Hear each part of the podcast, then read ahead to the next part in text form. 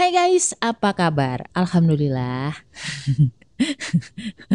Mbak, ngapa sih ketawa-ketawa gitu?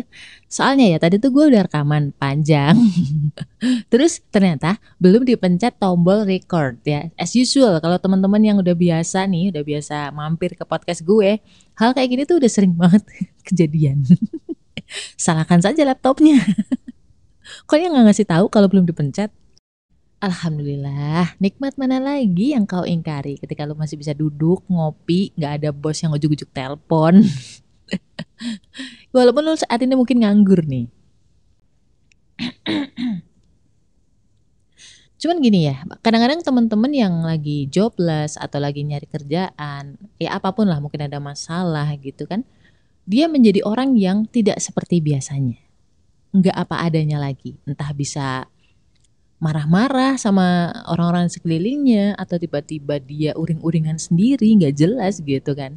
Bahkan ada nih pimpinan-pimpinan yang punya masalah pribadi di rumah itu kebawa ke kantor dan yang jadi bulan-bulanan adalah anak buahnya. Ya nasib lo lah jadi anak. Makanya jadi bapak dong jadi bapak buah. Jangan anak buah mulu. Dan yang paling parah teman-teman gini buat orang-orang yang realistis, orang-orang yang nggak sabaran nih kayak gue, ada masalah di siang harinya nih sampai bikin lo tuh nggak bisa tidur, nggak bisa tidur, makin deg-degan, makin worry, terus ketakutan lo semakin apa ya, semakin membesar, sprout, sprout itu apa ya bahasa Indonesia? Gue nggak tahu, cari sendirilah. Jadi kayak lu tenggelam di dalam ketakutan itu, which is yang lu sampai nggak bisa tidur Pernah nggak ngalamin kayak gitu? Dan itu tuh kejadiannya cepet banget. Misalkan kayak gue mau tidur nih, tiba-tiba kepikiran masalah itu. Aduh gimana ya, gimana ya, gimana ya, gimana ya, gitu gitulah.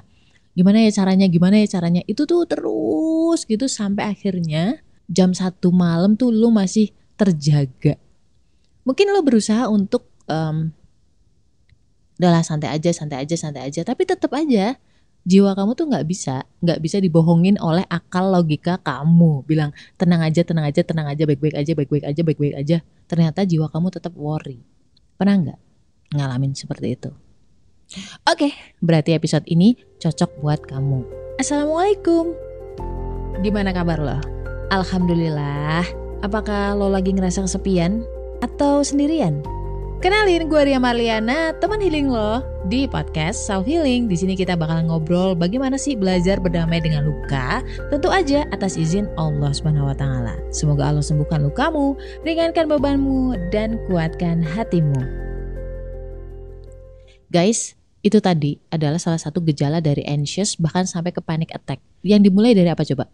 Overthinking ya ada masalah terus lu pikirin lu cari jalan keluarnya nggak nemu nemu nggak ngerti harus gimana dan di saat itu memang lu nggak nemu caranya gimana akhirnya lu tenggelam dalam ketakutan karena nggak menemukan solusi Yalah, kan semua permasalahan sebenarnya akarnya satu, ketakutan. Nah, ketakutan itu sebenarnya wajar, lumrah namanya manusia. Kalau jiwa lo tenang, lo bisa menggunakan ketakutan itu untuk hal yang baik hal yang positif, mempersiapkan sesuatu.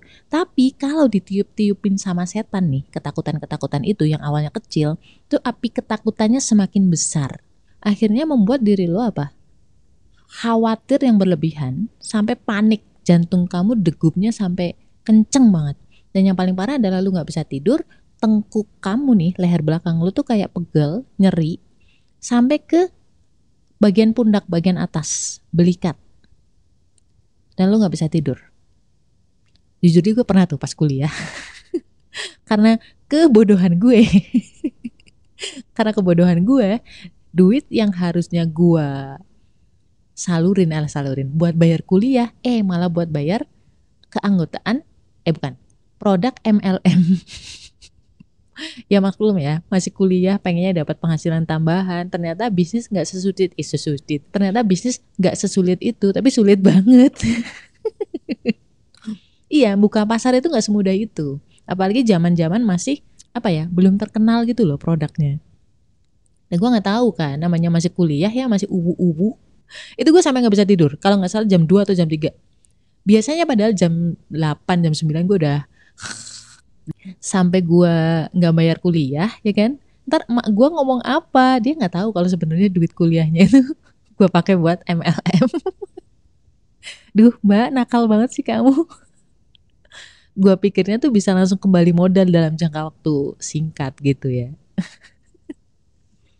Tapi tahu kan polanya bahwa di situ tuh ada masalah di mana gue takut dimarahin sama emak gue. Kalau masalah kuliahnya gue bodo amat sih sebenarnya. Cuman masalah dimarahin itu yang gue nggak suka. At the end memang selalu Allah yang nolongin gue dari jalan yang nggak disangka-sangka. Tiba-tiba gue di SMS sama temen gue, temen dari kampung gitu ya, tapi dia lagi merantau di Jambi. Namanya Ika. Ada.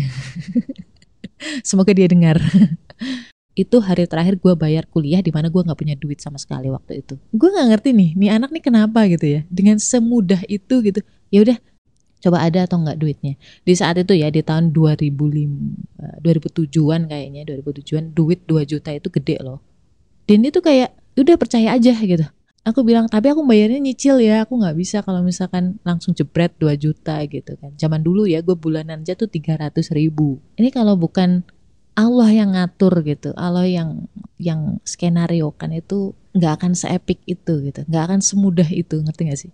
Temen gue ini si Ika ini tuh nggak yang minta jaminan lah, yang nggak ribet lah. Ternyata semudah ini ya solusi dari Allah. Kalau lu tahu atolak ayat 4 itu uh, sebenarnya urutannya atolak ayat 2, ayat 3, ayat 4. Intinya adalah orang-orang yang tawakal, yang tawakal itu berserah sama Allah percaya bahwa satu-satunya yang bisa nolong itu cuma Allah, tempat bergantungnya itu cuma Allah, itu nanti Allah bahkan kasih dia jalan keluar yang nggak disangka-sangka. Dan jalan keluar dari Allah itu pasti mudah. Itu kandungan di Atolak ayat 2 sampai 4. Coba dibaca ya. Waktu itu gue nggak ngeh tentang ayat ini. Bahkan belum kenal ayat ini waktu itu. Iya baca Quran baca. Cuma kan pemahaman orang di saat itu di saat gue masih muda ya dengan yang sekarang udah banyak pengalaman experience kayak oh jadi dulu tuh gue ngalamin ini maksudnya adalah penafsiran dari atau pengamalan dari ayat ini ternyata gitu. Dan gue mengalami banyak hal yang hal yang remeh menurut gue hal yang sepele tapi bodohnya gue gitu dengan kecerobohan-kecerobohan dan kenekatan-kenekatan gue, itu Allah selalu bukakan jalan keluar. Kalau lo mau merenung, coba deh. Banyak dalam hidup kamu case-case di mana lo nggak sangka itu akan selesai masalahnya. Dan endingnya pasti akan selesai. Nah masalahnya nih orang-orang yang realistis biasanya yang logis itu nggak sabaran. Nggak sabaran tuh gimana mbak? Apakah orangnya jejingkrakan ngomel-ngomel, nggak selalu ada orang-orang yang diem tapi otaknya tuh mikir. Orang-orang realistis tuh maunya masalah itu kelar saat ini, saat itu juga di situ kelar. Kalau perlu tonjok-tonjokan nggak masalah gitu kan. Padahal orang sabar adalah orang-orang yang bisa menunda sesuatu. Bukan menunda dalam arti lu punya kerjaan terus ditunda ya, bukan, bukan. Maksudnya menunda tuh kayak lu punya masalah, lu sabar. Kalau sekarang tuh belum sampai ke titik cahaya atau titik solusi, lu sabar. Cuma memang sabar itu nggak nyaman. Kayak gue sendiri sampai nggak bisa tidur gitu kan, sampai panik attack, sampai begadang gitu kan. Dan gue yakin lu sama ngalamin hal yang sama. Masalahnya apa? Akar masalahnya apa coba? Karena lo menggantungkan. agak batuk ya, maaf ya. Tapi demi kalian apa sih yang enggak? Jadi Kenapa lu sampai nggak bisa tidur? Kenapa lu sampai overthinking, sampai uh, panic attack, anxious dan kawan-kawan? Itu karena apa? Karena solusi atau jalan keluar itu lu gantungkan ke dalam logika kamu sendiri. Lu tanggung sendiri. Dan dikelarin sendiri masalahnya itu. Jadi ada masa di mana Allah itu akan buat kita, akan mengizinkan kita berada di situasi di mana kita buntu, kita merasa terjepit ibarat kata kita tuh sedang naik bus menuju ke suatu tempat. Nah tempat itu adalah jalan keluarnya. Masalahnya dalam perjalanan kadang kita nggak sabar, ya kan? Kita nggak bisa menikmati perjalanan. Kita kayak, aduh kok nggak sampai-sampai sih? Duh cepetan, cepetan gitu. Mana bisnya nggak pakai AC, ya kan? Jalannya berbatu, kan nggak enak. Pengennya cepet sampai. Kira-kira kayak gitu. Lalu bagaimana caranya biar kita bisa menikmati proses dalam kesabaran itu. Kita tahu bahwa endingnya pasti akan ada solusinya lah, nggak tahu gimana caranya kan. Yang pertama adalah tawakal tadi. Pasti ini Allah yang akan kasih jalan keluar. Karena sproutnya itu setan itu akan terus meniupkan ketakutan-ketakutan sampai kita lupa sama Allah. Sampai kita lupa bahwa yang menyelesaikan masalah semua masalah di dunia ini termasuk masalah kita itu Allah bukan kita. Oke? Okay? jangan pikir yang menyelesaikan masalah. Jangan pikir lo yang menyelesaikan masalah enggak. Andai kata pun lo bisa menyelesaikan masalah melewati sesuatu itu bukan karena ikhtiar lo. Itu karena Allah izinkan kamu berjalan ke sana Nah yang kedua ketika kita udah tahu nih bahwa endingnya pasti ada solusi, gimana caranya kita bisa menikmati, bertahan dalam ketidaknyaman itu, endurance ibaratnya.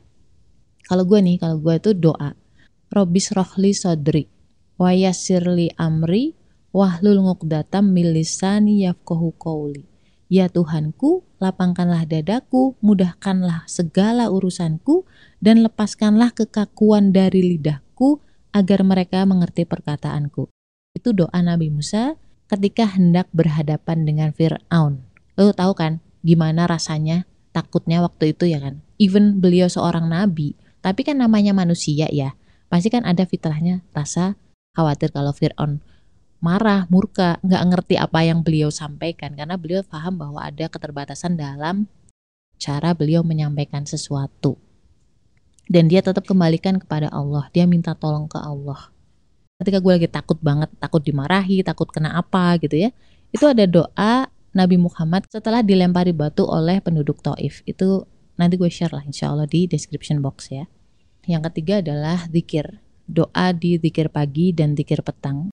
Ini sebenarnya rutin ya. Kita bacanya tuh ya hayu ya koyum birohmatika astahis. Aslihli sya'nikullah wala takilni ila nafsi torfata'ain Wahai Rob yang maha hidup, wahai Rob yang berdiri sendiri, tidak butuh segala sesuatu, dengan rahmatmu aku minta pertolongan. Perbaikilah segala urusanku, dan jangan diserahkan kepadaku sekalipun sekejap mata, tanpa mendapat pertolongan darimu selamanya. Nah itu tuh. Kayak kita nyerahin ya udah jadi urusan Allah lah, gue nggak ngerti gitu. Dan setelahnya nih atas izin Allah, hati tuh kayak, gitu, agak tenang gitu loh dan Allah berikan ilham kepada akal kita untuk mikir, alah ntar juga Allah yang beresin as always. Dan gue bisa tidur, Alhamdulillah. Nabi-nabi kita ketika menghadapi masalah dan mereka berdoa, itu kita bisa tiru. Salah satunya adalah doa Nabi Yunus ya. La ilaha illa anta subhanaka inni kuntu minadzolimin. Even dulu pun gue gak berdoa nih ibaratnya. itu Allah pasti bantu. Tapi kan kita nggak dapat pahala doa dan nggak dapat pahala usaha. Nah pertanyaan selanjutnya adalah apakah setelah kita berserah terus kita nggak berusaha? Nah, itu pertanyaan bagus ya kan. Apakah dengan tawakal kita jadi nggak produktif? Insya Allah di next episode ya. So, la haula wala quwata illa billah. Stay love and assalamualaikum warahmatullahi wabarakatuh. Kenapa sih golongan darah B itu pelupa? Susah banget ingat nama orangnya juga cuek, nggak pekaan, nggak perhatian. Kenapa coba? Bedah itu semua dari buku cerita tentang karakter golongan darah B dengan judul Beauty in a Beast. Order sekarang, link di bio ya. Buat teman-teman yang pengen nambahin cerita gue atau pengen nanya-nanya, boleh banget klik link komen di bawah di bawah mana? di deskripsi box.